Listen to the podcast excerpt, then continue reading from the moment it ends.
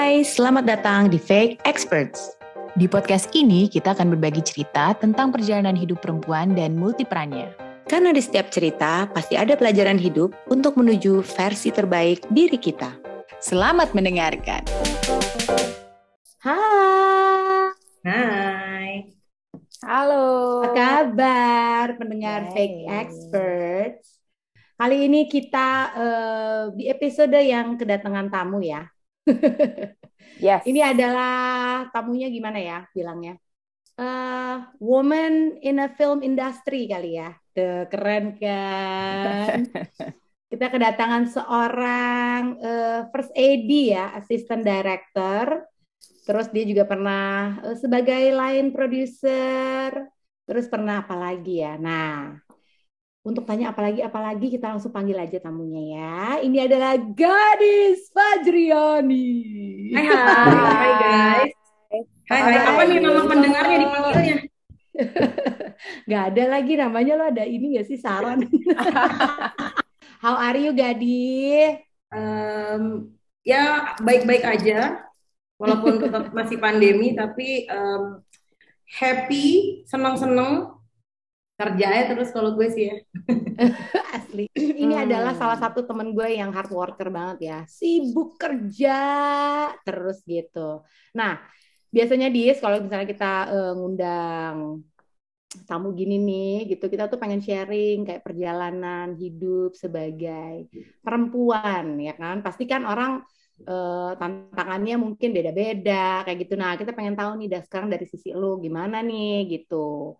Jadi mungkin awalnya mungkin lo ini dulu kali ya cerita tentang perjalanan lo memasuki womanhood. Jadi kayak waktu lo mungkin dari mulai kuliah itu kan mulai dewasa ya kan, sampai lo akhirnya sekarang bekerja dan eh, bekerja dan bekerja. Nah, bisa nggak sih lo ceritain dulu? Oke, jadi sebenarnya waktu gue, ini gue agak track back sedikit. Waktu gue SMA itu gue sempat kepikiran jadi kriminolog sebenarnya atau sosiolog. Entah kenapa gue suka banget sama ilmu-ilmu itu. Kriminolog pas gue cerita, oh by the way, bokap nyokap gue buat side itu dokter. So um, ada pressure, especially dari my father side yang dia tuh pengen banget anaknya, salah satu anaknya itu jadi dokter. Beruntungnya adalah gue anak pertama, udah pasti gue ditekan nomor satu ya kan. Um, nyokap gue psikiater, jadi lebih bisa diajak ngobrol gitu kan. Terus gue bilang sama nyokap gue, e, gue mau jadi kriminolog. Terus nyokap gue cuma ngomong gini, lo gak apa-apa deh gak jadi dokter, tapi boleh gak jangan yang pekerjaannya tuh kayak menyangkut mati itu ngapain sih kata nyokap gue gitu kan. Maksudnya kriminolog kan lo hal-hal yang kriminal ngapain lo temenan sama penjahat gitu-gitu lah pokoknya. Oke, gue kayak oke lumayan make sense sih di masa itu ya gitu kan. Terus em, ya maksudnya kayak kejadian di depan mata gue tahun 98, seremnya kayak gimana Hmm. pas segala gitu gitu. Ya, maksudnya itu lumayan membekas di gue.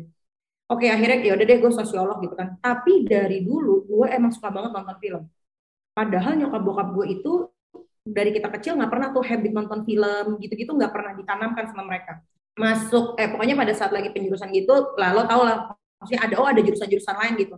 Ada broadcasting ternyata. Terus abis itu begitu gue nggak terima di T- D3 UI, eh, wah sempat lah segala macam mau sekolah di mana, di mana, di mana, di mana ngayal ke Amerika segala macam gitu kan.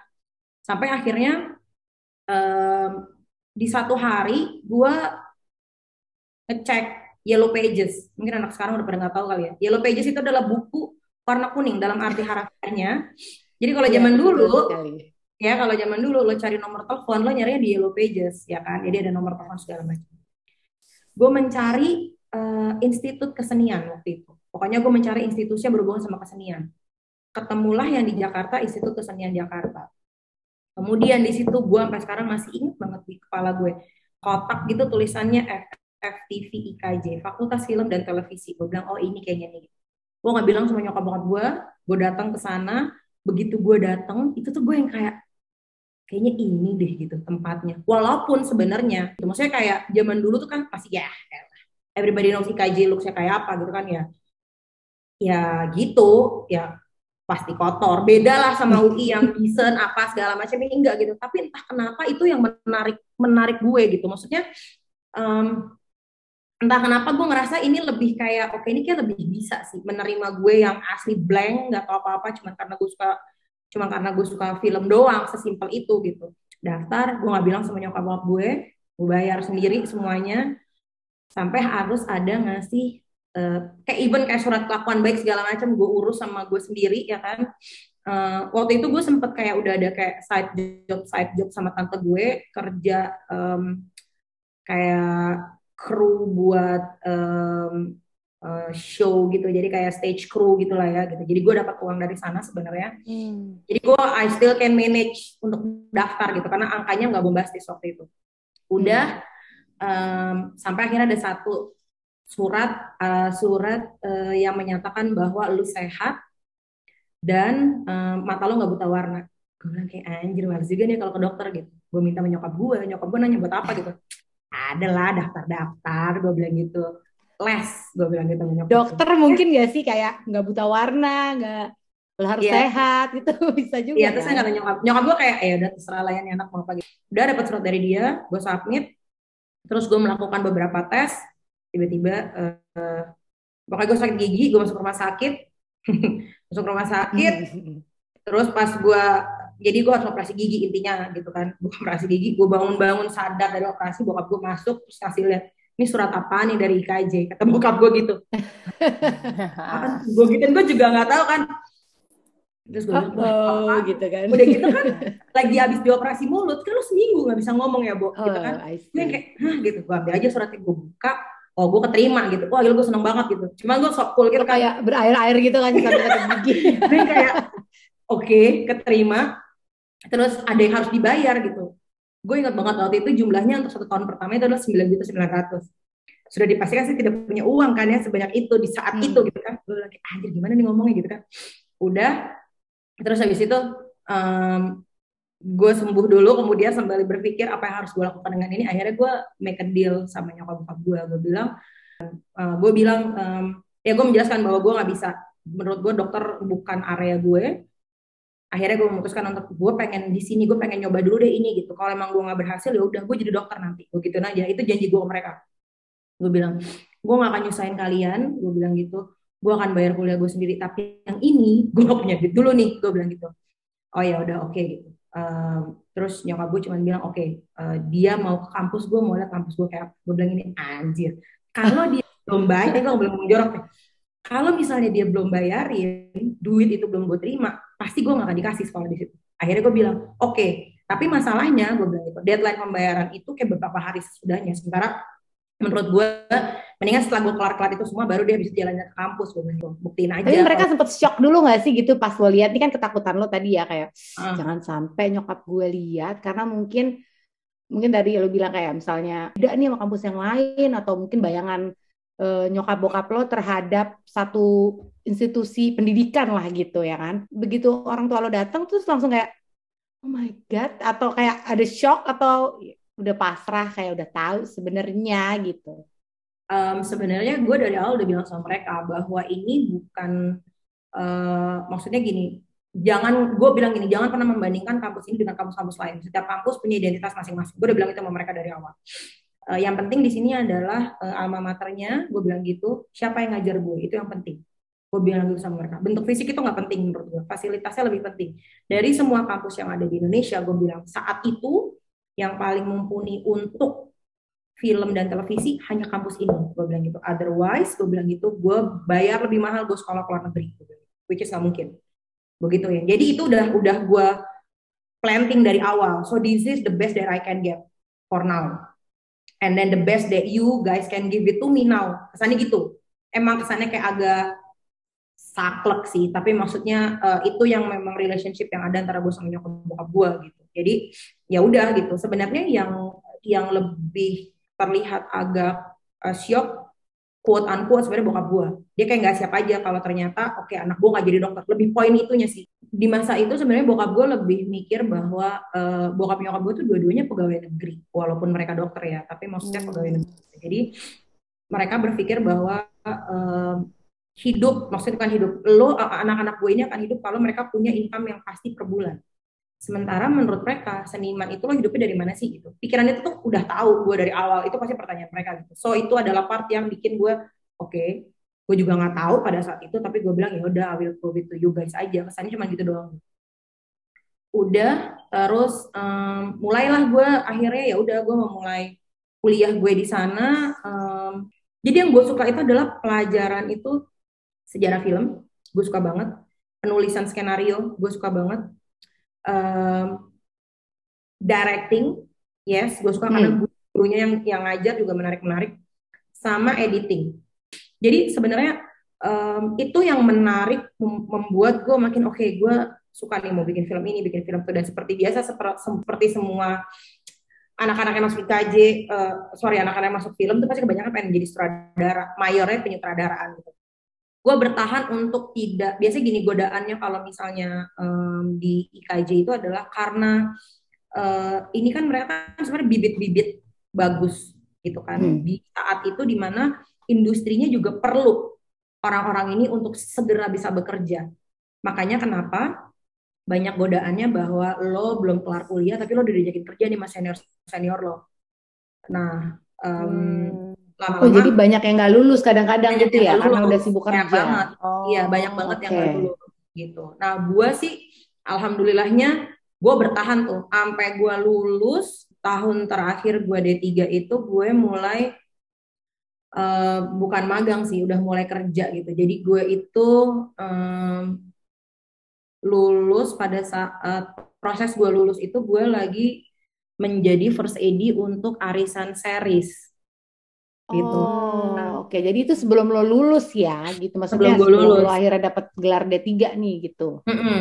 Jadi ada masa pokoknya gue ngerjain uh, film D3 gue itu film akhir itu gue berdua sama ada teman gue namanya Dinda Amanda sekarang dia um, editor kelas Wahid di Indonesia Raya ini. Oh, Oke. Okay.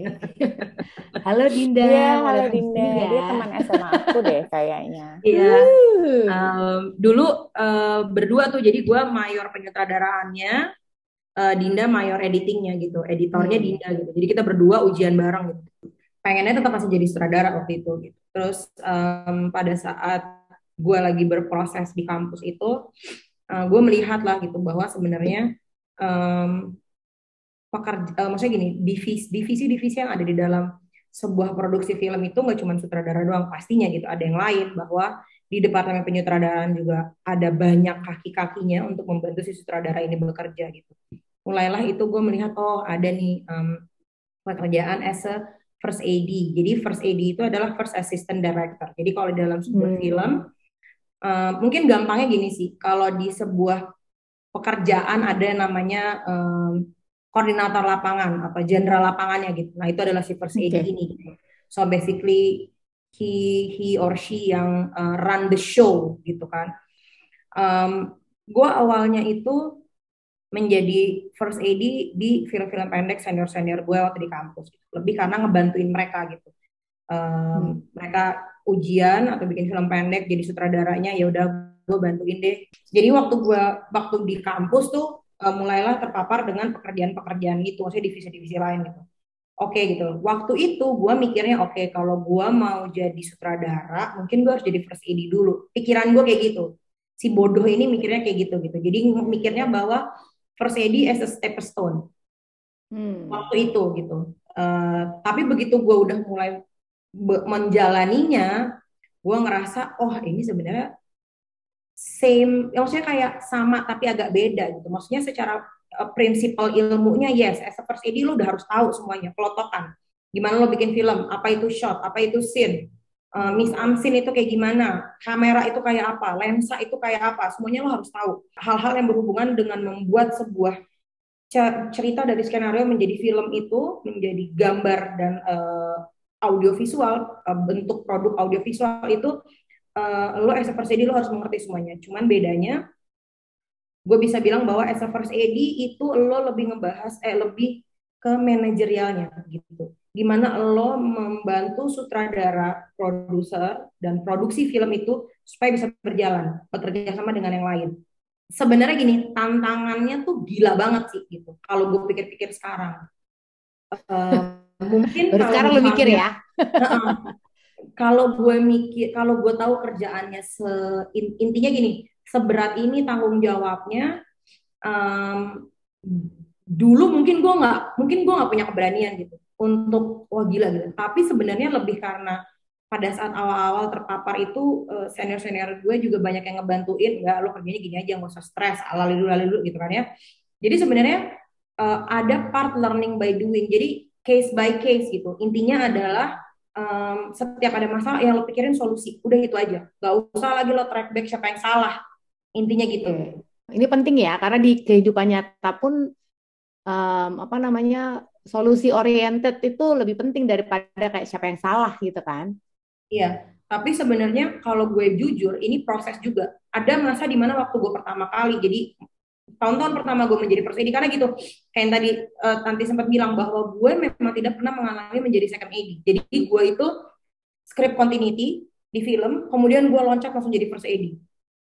Hmm. Jadi gue nggak pernah ada masanya gue sebagai sebagai second AD. Jadi gue nggak pernah tuh bekerja dengan ada orang yang akan selalu membackup gue kan kalau lo second AD sebenarnya lo bekerjanya tanggung jawabnya ke first AD lo aja kalau gue yeah. enggak langsung kayak nih lo nah lo first AD deh lo gitu paling langsung tempat gue bertanya sutradara gitu ya asli paling uh, waktu itu beruntungnya adalah saat gue menjadi first AD director yang mempercayakan gue as a first AD waktu itu uh, Ochai Odice Harahap dia itu kelotokan maksudnya senior first AD sebelum dia menjadi sutradara jadi gue belajar banyak banget dari dia uh, dia juga memberi um, ruang yang luas untuk gue bisa mengeksplor diri gue menjadi first AD seperti apa yang gue mau. Gitu. Jadi ada masa di mana emang gue kayak uh, gue kan as a character tuh emang uh, apa ya keras gitu. Hmm. Gue tough aja orangnya gitu. Kalau salah salah.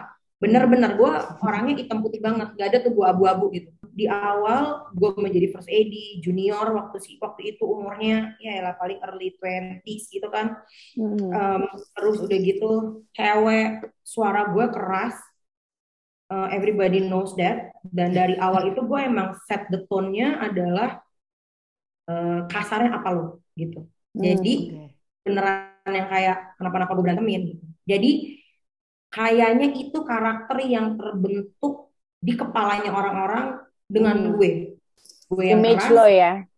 Yes gitu. Jadi maksudnya kayak gue nggak takut gitu. Maksudnya siapa juga kalau lo salah ya salah gitu. Um, sebenarnya lebih karena kalau zaman dulu ya misalnya kru gue 120 orang gitu. Paling ada cewek tuh di divisi wardrobe divisi makeup hmm. uh, terus udah gitu mungkin di art beberapa orang gitu um, camera and lighting department bisa dihitung pakai jari ceweknya gitu hmm. ditambah gue as a first AD gitu jadi memang mereka sih nggak nggak tahu ya kalau kalau gue ngeliatnya gini kalau ke gue karena gue set karakter gue kayak gitu jadi mereka memang uh, they don't wanna make a mess with me Iya. Yeah. gitu dan karena memang itu gue, yang lo harapkan ya Iya, karena maksudnya gue how ke, di kepala gue kayaknya ini nih cara yang paling tepat untuk mengkoordinat mengkoordinir sekian banyak manusia supaya mereka bisa dengar hmm. apa yang apa yang mau gue jalanin saat gue lagi menjadi first AD baru-baru itu seperti biasa lo akan dibanding-bandingkan dengan first AD lain gitu hmm. um, mereka ngerasa oh yang ini tuh uh, dia tuh kayak uh, please uh, kesannya kayak berusaha untuk menyenangkan semua orang terus gue bilang dari awal oh gue nggak bisa gue bilang gitu. Yang penting buat gue adalah produksi ini berjalan dengan benar dan sesuai dengan apa yang kita punya. Budgetnya berapa sih gitu. Jangan nanti misalnya directornya ngayalnya kegedean terus si first AD-nya ini mengiyakan tapi terus nggak jalan gue bilang gitu. Buat apa? Lo please your director gue bilang gitu tapi nggak nggak happening gue bilang gitu. Oh itu nggak bisa kalau gue gue bilang gitu. Jadi ada tuh yang kayak gitu-gitu. It's a good uh, behavior to have ya. Kita kan juga kemarin sempat ngebahas tuh kayak people pleaser gitu nggak enakan gitu. Tapi akhirnya emang demi pekerjaan tuh being yeah. people pleaser tuh emang harus udah deh nggak usah. Pokoknya tujuan utamanya ya gitu. Masa kayak gue cukup ini juga ya dis kayak dengan kru lo yang banyak tanggung jawab yang besar memang perilaku people pleaser tuh emang harus di buang jauh-jauh gue rasa kayaknya makanya kenapa gue temennya sedikit. Uh, nah, jadi dari dulu tuh memang terutama begitu gue udah kesannya gue oke okay, oke okay, gue gue masih di saat gue cita-cita gue oke okay, mau gue mau jadi sutradara gitu kan. Itu pada saat gue udah masuk ke industri itu gue ngerasa kayak oke okay, kayaknya gue harus memisahkan mana yang mau gue jadiin teman mana yang mau dijadiin rekan kerja. Sebenarnya gitu. Mm-hmm. itu terjadi sampai sekarang sih gitu. Iya, kayak ya, harus dipisahin ya. gue iya temen gue yang bisa jadi rekan kerja gue bisa dihitung pakai jari hmm. asli kayak um, orang-orang yang memang menjadi sahabat gue sampai sekarang itu pasti teman-teman SMA gue. Kalau Tanti malah dari SMP gitu jadi tapi dis kayak uh, betah banget ya gue sama gadis. Asli. Dalam situasi lo bekerja gitu ya karena kan pasti banyak juga tuh ya sutradara. Kalau dengar-dengar nih katanya banyak ya orang-orang seni lah ya gitu sutradara dengan idealismenya gitu yang juga mungkin punya certain expectation terhadap lo pernah nggak lo menghadapi di mana lo harus uh, bener-bener uh, sulit banget lah untuk mengconvince dia bahwa ini nggak bisa nih kayak gini lo harus compromise? Atau memang sutradara ini sebelum kerja sama lo sebelum ada project sama lo udah tahu gitu bahwa uh, ketika akan bekerja sama lo konsekuensinya uh, eh, ABCD ini gitu? Jadi sebenarnya kalau gue um, ngetritnya adalah gini director itu adalah head of kreatif jadi emang biasanya itu even kalau sekarang mungkin uh, gue lebih banyak di iklan gitu ya. Maksudnya film itu setahun paling cuma sekali setahun ya setahun sekali kayaknya ini terakhir-terakhir gue bikin gitu. Setelah sempat gue sekitar 11 11 tahun gue gak syuting film sama sekali gitu. Jadi um, gue kalau di film itu gue mentreatnya as a family keseluruhan keseluruhan tim produksi it's a new family gue selalu nyebutnya gitu kenapa gue nyebutnya family karena long term lo kerja paling cepat itu empat bulan kalau ngerjain film. Jadi misalnya lo tiga bulan persiapan yang intens gitu lo ketemu mereka setiap hari gitu dan after that lo syuting bisa sebulan setengah bisa dua bulan gitu ya kan. Jadi it's like a new family for you. Lo, lo harus comfortable sama mereka gitu. Gue harus comfortable sama mereka. Gue harus trust sama mereka gitu. Nah itu juga yang gue build ke mereka. Jadi sebenarnya kayak kayak kemarin nih pas gue akhirnya balik lagi syuting film, gue itu syuting film lagi balik dengan film seperti dendam rindu harus dibayar tuntas nah waktu sebelum mulai kerja itu gue menjelaskan oke okay, gue sistem kerja gue gini A B C D sampai Z gue ngobrol sama produser gue gue ngobrol sama director gue kemudian gue tanya balik ada yang kalian keberatan nggak dengan part ini? Oke okay, pasti akan ada adjustment kan gitu. Kalau sekarang sebenarnya gue bisa udah mulai maksudnya gini gue bisa untuk hmm, apa ya kesannya kayak lebih lebih bisa menerima perbedaan-perbedaan itu gitu. Maksudnya kayak oke okay, gue bisa intinya gue bisa lebih bisa oke okay, kalau direkturnya lagi pengen banget part yang itu gitu gue lebih bisa bergain. Maksudnya kayak oke okay, yang part ini lo gue kasih misalnya kayak scene ini lo gue kasih dengan sekian banyak uh, detail-detail yang lo mau gue bilang gitu. Tapi scene yang ini nggak bisa nih karena kita perlu ada A B C D nya gitu. Kadang-kadang bisa dikompromikan kadang-kadang enggak gitu. Tapi tetap gue per, karena gini gue percaya bahwa semuanya itu pasti akan ada solusinya gitu. Jadi menurut gue ya udah uh, makin ke sini makin banyak uh, solusi-solusi yang bisa gue tawarkan ke mereka. Gue uh, gue bisa bilang bahwa ini kayak apa ya kayak apa yang gue apa yang gue tuai dari uh, portfolio yang udah gue bangun selama ini gitu. Bahwa pada akhirnya sekarang gue diberi kesempatan untuk bekerja sama dengan sutradara-sutradara yang udah senior yang bukan cuma senior misalnya juga sutradara baru tapi uh, visioner menurut gue yeah. uh, ide-idenya brilian tapi di balik ide-ide yang brilian itu pasti ada uh, technical issues yang juga menarik gitu which is itu yang selalu menantang gue gitu um, itu yang bikin itu yang bikin semuanya berkembang dan biasanya director-director ini kebanyakan director yang kerja sama gue 80% adalah laki-laki Hmm. hmm. Nah itu tuh, gue tuh tertariknya sebenarnya kayak film tuh kayaknya banyak kan orang tuh eh, laki-laki uh, laki-laki semua gitu ya nggak sih? Yeah. Ini kayak gender issue nih, gue pengen tahu aja sih gitu. Lo kan Astrada, which is uh, positioningnya itu ya ketiga lah ya, berarti biasanya ya, ya nggak sih? Kayak hmm. eksekutif, terus sutradara, terus lu nih Astrada nih First Edi. Hmm which is bawahan lo akan lebih banyak lagi dan mostly biasanya didominasi oleh pria nih yang gue tahu.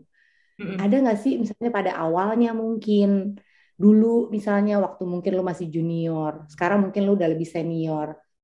Uh, ada perbedaan nggak kayak gender issue gitu kayak aduh Astrade cewek lagi. Atau kan kalau misalnya di satu pekerjaan ya kadang ada bos nih yang perempuan.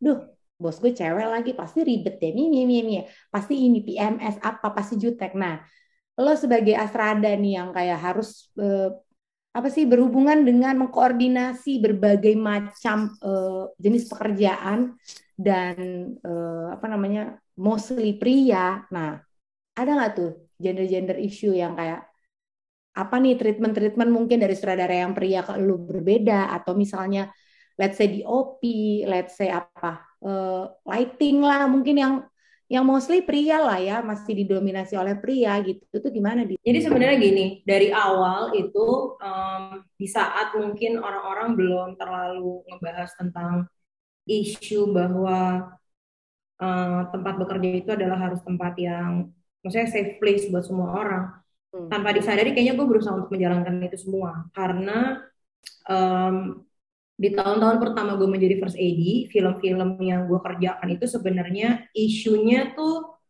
uh, lumayan uh, apa ya? Jadi kalau misalnya uh, syuting tuh ada istilahnya namanya close set, jadi set tertutup. Karena mungkin hmm. adegannya terlalu disturbing untuk si aktor dan aktris berikut dengan krunya. Jadi minimalis kru aja ada dalam situ atau ada uh, explicit sex scene. Walaupun mungkin nggak frontal nude or something tapi maksudnya biasanya uh, eh, gue di tahun-tahun pertama gue mengerjakan hal-hal yang seperti itu gitu. Jadi maksudnya gue nggak tahu ya lo udah pernah nonton film kawin kontrak atau belum? Karena kawin kontrak itu lumayan kayak gitu nah mungkin karena gue perempuan ditambah juga gue beruntung karena uh, tim gue saat itu jadi maksudnya sutradara gue di OP gue jadi uh, Mas Ocai, Bang Ical gitu. Terus misalnya kayak uh, art director gue, Mas Iqbal gitu. Itu mereka sangat mendukung bahwa gue bilang. Jadi waktu itu sempat ada diskusi nih sebelum kita mulai uh, even sebelum gue mulai proses casting. Karena waktu itu kita memang hmm. perlu bahwa cewek-cewek seksi as a character waktu itu gitu ya kan. Um, gue bilang um, biar gimana gue bilang gitu mereka perempuan perempuan-perempuan yang akan menjadi aktris di sini mereka harus nyaman dan harus merasa aman dengan semua orang yang ada di sini untuk bisa melakukan adegan-adegan yang kita kita perlukan. So gimana biar mereka nyaman dan aman dan ini bisa jadi safe place. Jadi sebenarnya um, kita membahas adegan itu secara detail ke semua aktor dan aktris. Gitu. Jadi kita bahas oke okay, adegannya akan kayak gini. Lo akan pakai baju kayak gini. Lo nyaman atau enggak? Oke okay, lo nggak nyamannya di bagian apa? Gitu. Jadi memang ada beberapa scene yang gue beneran tutup pakai kain hitam yang boleh ada di dalam set cuma tiga empat orang termasuk gue gitu. Terus kayak dari zaman dulu kalau ada yang istilahnya kayak cat calling cat calling itu gue samperin beneran gue bilang gue gampar lo yang ngomong kayak gitu. Itu beneran gue gitu gitu. Jadi keren. so dari awal tuh uh, eh, gue gak tau ya karena gini gue kan besar maksudnya gini gue tuh gemuk.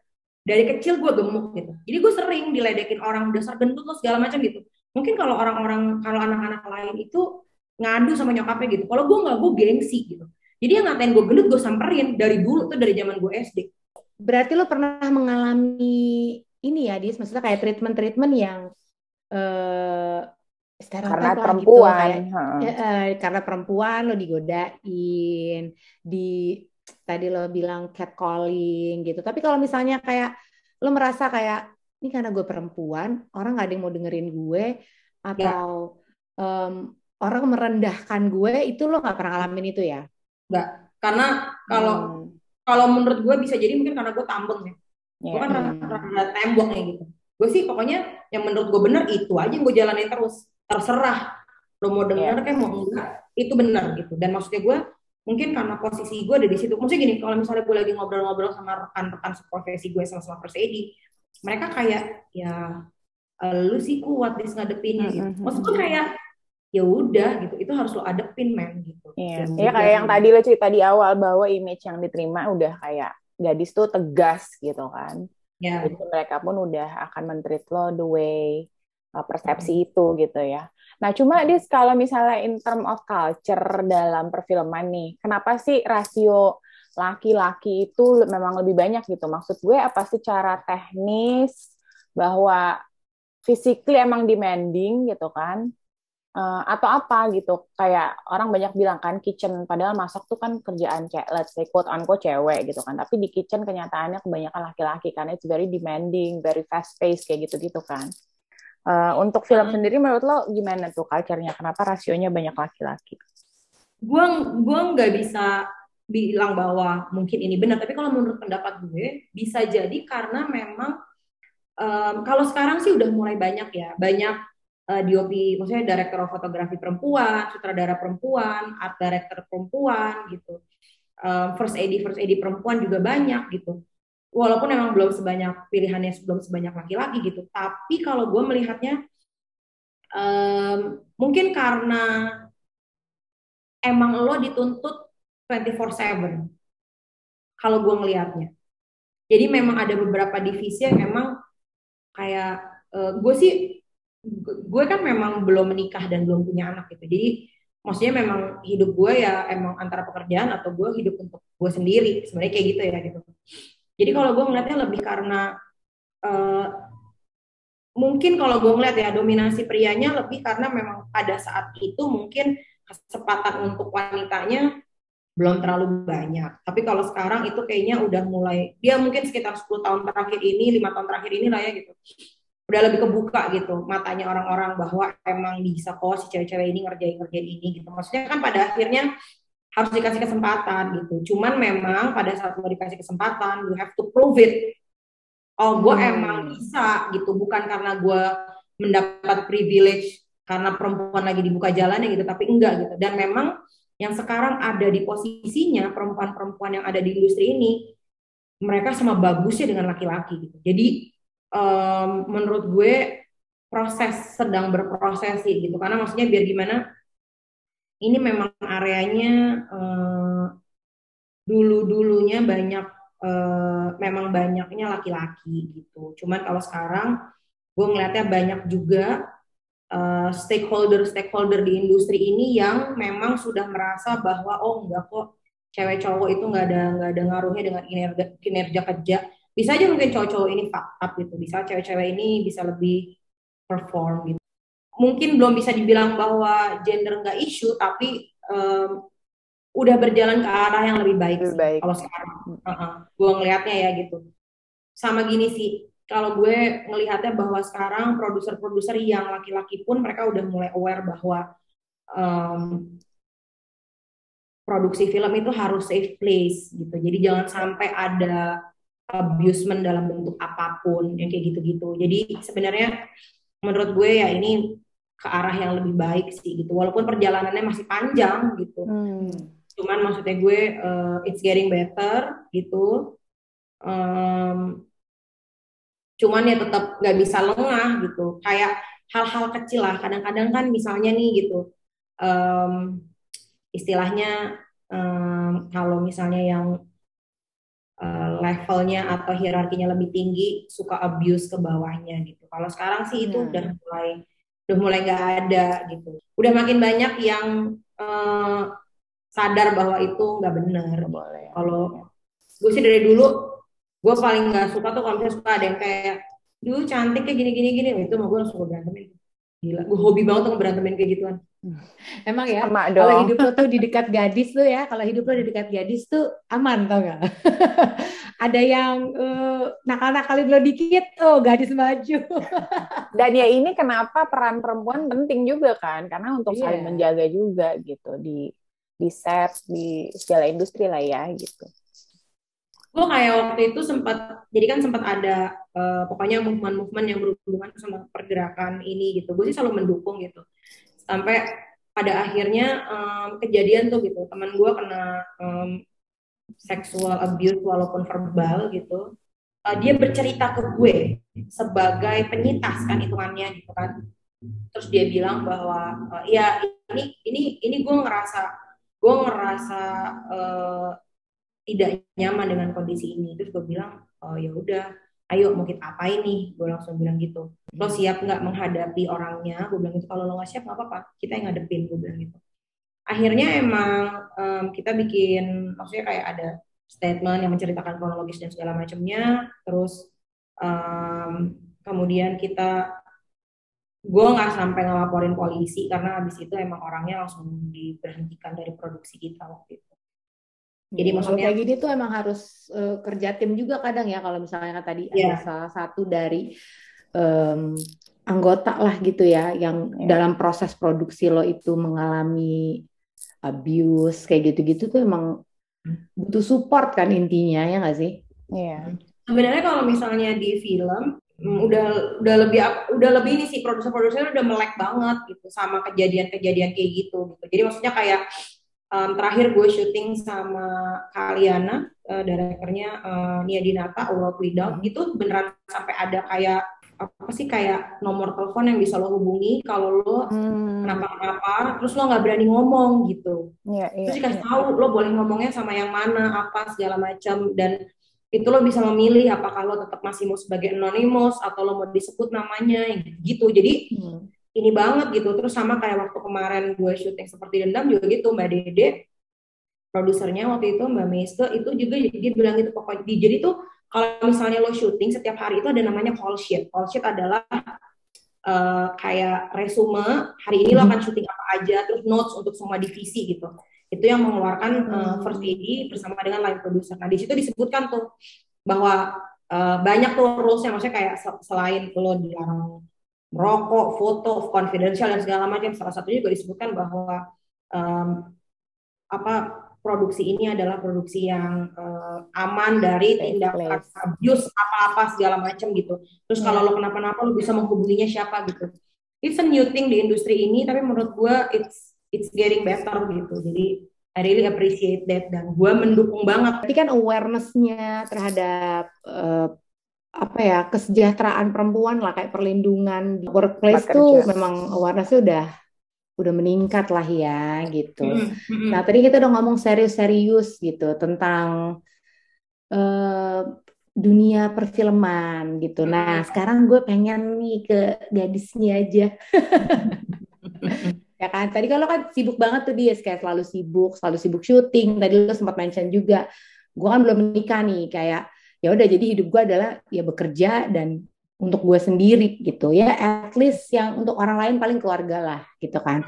Nah di umur yang sekian nih ya being single at this stage nih kayak udah udah sukses ya kan? Kayak uh, eh, gue nggak worry lah dengan income gue bisa nyari sendiri gitu kan. Hmm. tapi lo pernah berpikir nggak sih kayak oh gue mungkin satu saat harus memiliki pasangan. Atau mungkin udah di posisi ini nih kayak lo berpikir gue nggak perlu lah pasangan gitu sendiri aja kayaknya gue lebih oke okay nih gitu. Oke, okay. kalau kalau gue sebenarnya ngeliatnya gini sih kayak gue tahun ini umurnya 38. Oke, okay. wow 38. Um, kalau gue ngelihatnya sebenarnya kalau misal ditanya nih um, lo mau apakah gue mau menikah atau tidak mungkin kalau sekarang oke okay, mau gitu ya masih masih mau gitu tapi kemarin tuh sempat ada pemikiran bahwa kalau misalnya sampai terakhirnya nanti gue ternyata nggak nikah gimana gitu? I think I'm fine with it also hmm. kayaknya gitu. Gue sih sekarang lebih kayak ya udah gue menikmati apa yang ada aja kalau sekarang gitu. Karena live in the moment lah ya. Iya gue soalnya kayak gue sebenarnya gini jernih gue lebih kayak ya pencarian gue itu nggak pernah habis. Gue selalu ngerasa bahwa kok gue nggak pernah happy sih selalu ada yang kosong kayaknya gitu. Dan itu selalu gue isi dengan gue kerja gue kerja gue kerja gue kerja gue kerja gitu. mungkin um, ada baik dan gak baiknya juga kali ya gitu. Mungkin gue nggak tahu juga gitu. Tapi kalau gue ngelihatnya bahwa um, poinnya sekarang gue menikmati aja sih apa yang gue ada sekarang gitu. Nggak mau yang kayak Hmm. Gue nggak mau kayak nggak bersyukur. Sebenarnya gitu sih. Itu yang itu yang gue selalu takutin gitu bahwa gue nggak bersyukur dengan apa yang udah gue dapat. Bisa jadi yang sekarang ini gue pertanyakan mungkin buat orang lain it's a privilege. Tapi lo pernah nggak ada di situasi yang kayak ya pastilah ya perempuan Indonesia gitu kan. Mungkin lo kayak orang Minang juga nih gitu kan. Kadang kayak perempuan hmm. tuh ya nggak sih hmm. matrilineal lah gitu ya kan. Nah ada nggak sih kayak sempet pertanyaan mungkin ya mungkin kalau dari temen ya oke okay lah ya just a friend gitu kan ini kalau dari hmm. family pressure pressure gitu di, di awal dis kayak misalnya Uh, kamu kok belum nikah sih? Kamu kok gini sih? Atau misalnya kok uh, gadis kok belum ada pacarnya sih? Mana nih calon suaminya? Nah, kayak gitu-gitu tuh pressure tuh pasti ada kan. Even lu udah menikah pun punya anak kayak satu anak, anak keduanya mana hmm. gitu kan. Terus ya, bisa di pertanyaannya. Uh, uh, gitu. Terus aja gitu. Mungkin lo kalau udah jadi nenek-nenek juga akan jadi pertanyaan anaknya belum punya anak lagi, belum punya cucu? Gitu tetap ada gitu. Nah, gimana tuh lu meng apa ya ya harus cope menghadapi situasi ini gitu. Yang pastinya kan mungkin dari awal mungkin waktu lo pas uh, gitu ada tuh. Terus uh, 30-an tengah juga mungkin lo punya sampai akhirnya nih we are almost 40 lo gitu. Nah gimana tuh akhirnya lo menghadapi situasi-situasi itu yang akhirnya at the end of the day kan mungkin lo harus berdamai dengan diri lo sendiri kan gitu. Jadi sebenarnya mungkin kalau gue ingat ingat lagi kalau um, waktu umur gue 20-an itu gue selalu kalau misalnya gue ditanya kenapa lo belum kawin? Di saat temen-temen udah kawin atau sepupu sepupu udah pada kawin gitu gue akan bilang kayak enggak gue 30 karena nyokap gue kawinnya umur 30 I'm just gonna follow her step gue bilang gitu. Begitu gue umur 30 belum kawin juga um, alasan apa lagi nih gue gitu kan? Gitu kan. Kalau waktu itu gue cuma bilang kayaknya ya belum kali ya gue bilang gitu. Terus gue gue gue apa ya langsung ngebelokinnya tuh dengan kayak tapi gue ini loh prestasi gue ini loh. Maksudnya kayak secara karir I'm good gue bilang gitu. Jadi gitu pembuktiannya bentuknya adalah uh, pekerjaan karir terus uh, materi waktu itu gitu. Jadi maksudnya hmm. lebih kayak yang oke okay, gue ngebikinin nyokap gue apa gue ngajak adik gue ke mana lebih yang gitu. Hmm. poinnya di mana gue umroh. Gue umroh bareng bokap nyokap gue waktu mau berangkat itu emang bilangnya itu. Pokoknya kita doa yang uh, apa uh, biar gadis digampangin. Jalannya kalau emang uh, biar jodohnya digampangin. Gue ngomong sama nyokap gue oke okay, gue bilang. Ini last resort ya gue bilang gitu gue akan jalanin semuanya tapi doa gue adalah yang terbaik buat gue gue bilang gitu terserah kalau misalnya emang sama Allah dibikinnya bahwa gue emang pada akhirnya nggak menikah mungkin itu yang terbaik buat gue gitu hmm. tapi mintanya yang terbaik didekatkan ke yang baik gue cuma ngomong gitu sama nyokap bokap gue hmm. sampai merinding gue cerita Iya, hmm. kan gue dengernya juga kayak aduh. Hmm. iya, gue sampai ngomong gitu karena maksudnya gue kayak apalagi sih gitu kan. Iya. Udah, gue berangkat. Maksudnya gue gini, uh, mulut gue kan sembarangan ya gitu, hmm. sampah lah mungkin bisa dibilang bisa dibilang ya gitu. Jadi gue pada saat mau berangkat tuh gue kayak, wah nanti gue bakal dapet apa nih ya di sana gitu. Tapi emang alhamdulillahnya ya itu emang kayaknya emang jernih yang ngebuka semuanya buat gue. Kalau bisa dibilang gue sholat gue belang belentong, nggak sama kayak ada di gue gitu. Tapi emang waktu di sana itu gue emang beneran minta. Jadi gue emang bilang bahwa pokoknya selama di sana gue cuma bilang gini, e, gue tolong dikasih ya Allah, pokoknya tolong kasih aku jalan yang emang pas, waktunya pas, emang sesuai, gue emang hmm. siap. Gue bilang gitu kalau emang gue belum dapet nggak apa-apa. Gue bilang gini gue nggak ngiri sama teman-teman gue yang udah punya anak gue bilang gitu. Itu gue beneran gue nggak ngiri gue bilang gitu. Gue nggak ngiri kalau ternyata nanti adik-adik gue yang akan punya anak duluan gitu. Gue nggak ngiri gue bilang gitu. Hmm. tapi berilah maksudnya kalau emang itu berilah kelapangan hati gue untuk menerima kondisi gue sebenarnya. Gue cuma pengen gue bahagia doang kok gue semoga itu bisa membahagiakan orang tua gue. Gue cuma ngomong gitu doang. Itu aja tuh doa gue. Segala macam gue nyok, nyok, nyokap bokap gue doanya udah kayak jungkir balik. Kali doain gue biar gue kawin. Tapi gue denger kayak gue tuh ini loh dis kayak tersentuh gitu. Kayak ya mungkin untuk sebagian orang it's a easy path ya gitu. Kayak ya kan? Nah mungkin lo easy path on the other uh, area gitu ya gak sih? Dan kayak lo doa sampai kayak gitu gitu. Kayak gue cuma pengen gue bahagia gitu. Kayak kok gue sedih ya denger ya? Kayak gue terharu gitu. Gue akhirnya sampai di mana titik gue ngobrol sama nyokap bokap gue sama adik-adik gue gue bilang gue bukannya gue bilang sama mereka um, secara sex orientation gue bilang gitu gue masih suka sama laki-laki gue bilang jadi gak usah khawatir bahwa uh, gue bukannya gue gak suka laki-laki. Pada saat misalnya nanti ternyata gue gak suka sama laki-laki juga gue akan bilang sama kalian gue bilang gitu. Hmm. tapi maksudnya gue memang belum ada aja gue bilang gitu. Terus mereka cukup mengerti itu. Jadi pertanyaan bahwa gua kapan nikah itu udah mulai nggak pernah ditanyain sih gitu. Hmm. Ini menjawab pertanyaan juga ya, gitu buat mungkin teman-teman fake expert yang udah umur sekian, kayak terpressure belum menikah. Nah, bisa dibuktikan ke area lain lah gitu. Mungkin area pernikahan saya belum, ya kan? Tapi area lain mungkin pekerjaan, mungkin mengejar pendidikan sampai tinggi, kayak gitu-gitu ya. Terus ini juga bisa menjawab beberapa mungkin kepo-kepo netizen ya kayak gadis tuh kenapa sih belum nikah? Tadi udah dijawab ya, gadis tuh orientasinya masih suka pria ya kan? Kok belum nikah sekarang ya? Nah ini udah dijawab nih, dia difokus ke karirnya ya kan, ke kehidupannya mungkin kayak peace of mind ya nggak dis harus happy ya kan tadi pesan nenek lu kan bilang gitu. Yeah. Nah sekarang kita masuk ke ini nih.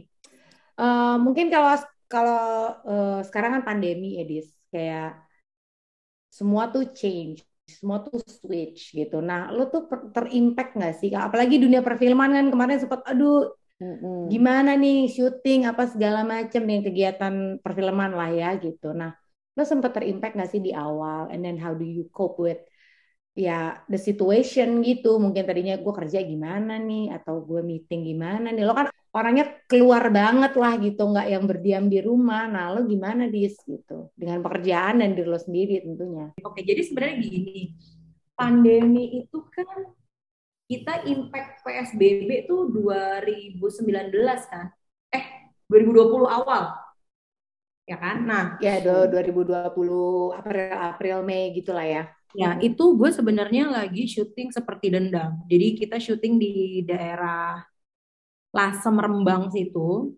Jadi hmm. mungkin uh, COVID-nya nggak terlalu berasa banget di saat Jakarta udah serem banget. Kita masih bisa syuting, tapi um, di akhir Maret awal April itu gue harus stop. Jadi syuting gue sebenarnya masih ada sisa tiga hari lagi. Gue harus stop karena menurut Pemda sana kayak udah nggak memungkinkan lah gitu situasinya, udah nggak kondusif. Oh ya udah oke, okay. kita berhenti dengan kondisi masih utang tiga hari syuting lagi. Hmm itu gue nggak bisa syuting nggak bisa syuting intinya semua orang itu nggak bisa syuting sampai sekitar bulan Juli pertengahan. Bulan Juli pertengahan itu hmm. uh, yang terjadi adalah gue bener kata Tanti gue nggak bisa diem soalnya orangnya gitu. So after two months gue mikir nggak mungkin nih kalau kita nggak syuting syuting adalah yang syuting dari rumah lah syuting remote apa segala macem. Cuma maksudnya gue nggak maksimal itu jadi yang terjadi adalah gue coba tuh browsing browsing dari um, dari kayak ada apa ya film commission dari luar negeri dari negara lain gitu. Waktu itu dari ada yang dari New Zealand ada yang dari Iceland ada yang dari Amerika ada yang dari India gitu. Jadi mereka tuh apa aja sih yang mereka lakukan gitu kan? Jadi rulesnya apa aja gitu. Coba gue lihat-lihat gitu terus beruntungnya adik gue yang nomor dua ini dokter. Jadi uh, gue lumayan banyak diskusi sama dia kayak rulesnya gimana ya biar syuting gue bisa aman apa segala macam gitu. Udah hmm. terus gue um, ya karena nggak bisa berhenti mikir orangnya nggak bisa diem juga akhirnya gue berusaha membuat sort of kayak silabus gitulah. Kesannya kayak oke okay, ini yang bisa kita do's and don'ts gitu kalau lo mau syuting lagi gitu. Dan after that gue ngobrol sama sutradara-sutradara yang memang gue sering kerja sama mereka gue tanya pendapat mereka gimana produser-produser. Hmm. sampai akhirnya um, gue hmm, ada satu pekerjaan remote itu uh, Timun Mas namanya. Jadi kayak musikal gitu. Um, yang bikin itu sutradara teaternya Mbak Mia Jo sutradara visual filmnya itu Buana Palma. Dan di situ adalah masa di mana gue mencoba deh si uh, do's and don'ts gue ini gitu yang udah kita coba obrolin bareng-bareng dengan semuanya gitu biar bisa jadi tempat kerja yang safe space dari COVID apa segala macem gitu kan minimalis kru gitu. Iya ada up and down-nya tapi maksudnya uh, beruntungnya bahwa industri ini masih bisa berjalan. Kalau gue sih gitu. Nah, Cuman tapi kan, nih ya untuk menutup beberapa pertanyaan terakhir, Ledis. Hmm. Uh, ada nggak sih cita-cita yang belum tercapai di apa yang lo belum yang lo impikan mungkin dari dulu-dulu sekarang udah perlahan udah mulai tercapai nih semua gitu. Tapi lo masih punya cita-cita lain nggak yang ya belum tercapai lah yang masih lo pengen gapai. Gue tuh cemen banget sih. Gue tuh cuma pengen trip ke Antartika. Mahal banget. Nah, itu, itu bucket list lo ya? Asli. Gak tau ya gue sih kalau sekarang mungkin itu sama um, gue pengen punya rumah di tengah sawah atau tengah hutan. Tapi kalau dari karir, Dis, kayak mungkin cita-cita apa nih gitu? Misalnya tadi kan sempat ada yang, misalkan kayak Dis, kenapa lo nggak jadi sutradara gitu? Nah, kalau oh. secara karir ada nggak kayak cita-cita yang ya mungkin karir gue kayak mungkin mau mencoba menjadi produser kali ya hmm. tahu arahnya kayaknya dibawanya ke sana mungkin tapi belum tahu juga mungkin okay. bisa jadi cita-cita kayak gitu ini untuk penutup nih ya nah dari tadi lu cerita ada panjang lebar gitu hmm. ada nggak sih hal-hal yang bisa apa ya pelajaran penting dari kesimpulannya dari perjalanan hidup uh, lo, perjalanan hidup gadis. Yang bisa lo share ke sesama perempuan lah gitu di luar sana. Kalau gue ngeliatnya gini sih, um, bahwa semua itu semua itu berproses. Jadi nggak bisa ngelihat lo yang sekarang. Kalau gue gitu sih. Kalau sekarang menurut gue adalah lo harus embrace, harus appreciate proses lo. Kalau gue ngeliat um, gue lagi berusaha begitu dan kayaknya mungkin happiness adanya di situ kayaknya kalau menurut gue hmm. the whole process sampai lo ada di titik lo sekarang ini gitu sih karena dengan lo mengembrace lo bersyukur dengan itu semua um, kayaknya lo akan lebih appreciate diri lo sih kalau gue ngeliatnya karena kan ya cewek itu kebanyakan dibesarkan dengan pemikiran bahwa you not deserve for everything. Ya kan? Hmm. kayak lo nggak deserve buat apa-apa. Sana kayak gitu gue melihat banyak itu di teman-teman gue. Ya. Gitu. sementara kalau menurut gue adalah no itu beda banget. Ya. gitu sih. tidak Bahwa, deserve namun ekspektasinya tinggi ya terhadap perempuan. Iya iya gue kalau karena gue ngelihatnya memang dan itu juga yang secara mungkin gue sadari um, itu yang berusaha gue proyeksikan ke diri gue. Jadi apa uh, appreciate your journey ya, be grateful yes. bahwa setiap perjalanan itu is meant for you gitu dan di sana lo akan menemukan kebahagiaan. Gitu gadis. Betul sekali. Gadis, thank you so much untuk thank waktunya. You. Menarik sekali thank ya. You, Dis. Kita pertama kali dapat tamu yang bekerja di industri perfilman dan dengan journey yang uh, berliku-liku tapi apa? Uh, pelajarannya banyak yang bisa dipetik. Ternyata gadis bijaksana. Oh iya benar, benar. dan gadis salah satu tamu kita yang kirim CV. Please subscribe our podcast, Fake Experts. And follow our Instagram at fake.experts. Fake Experts. Fake experts.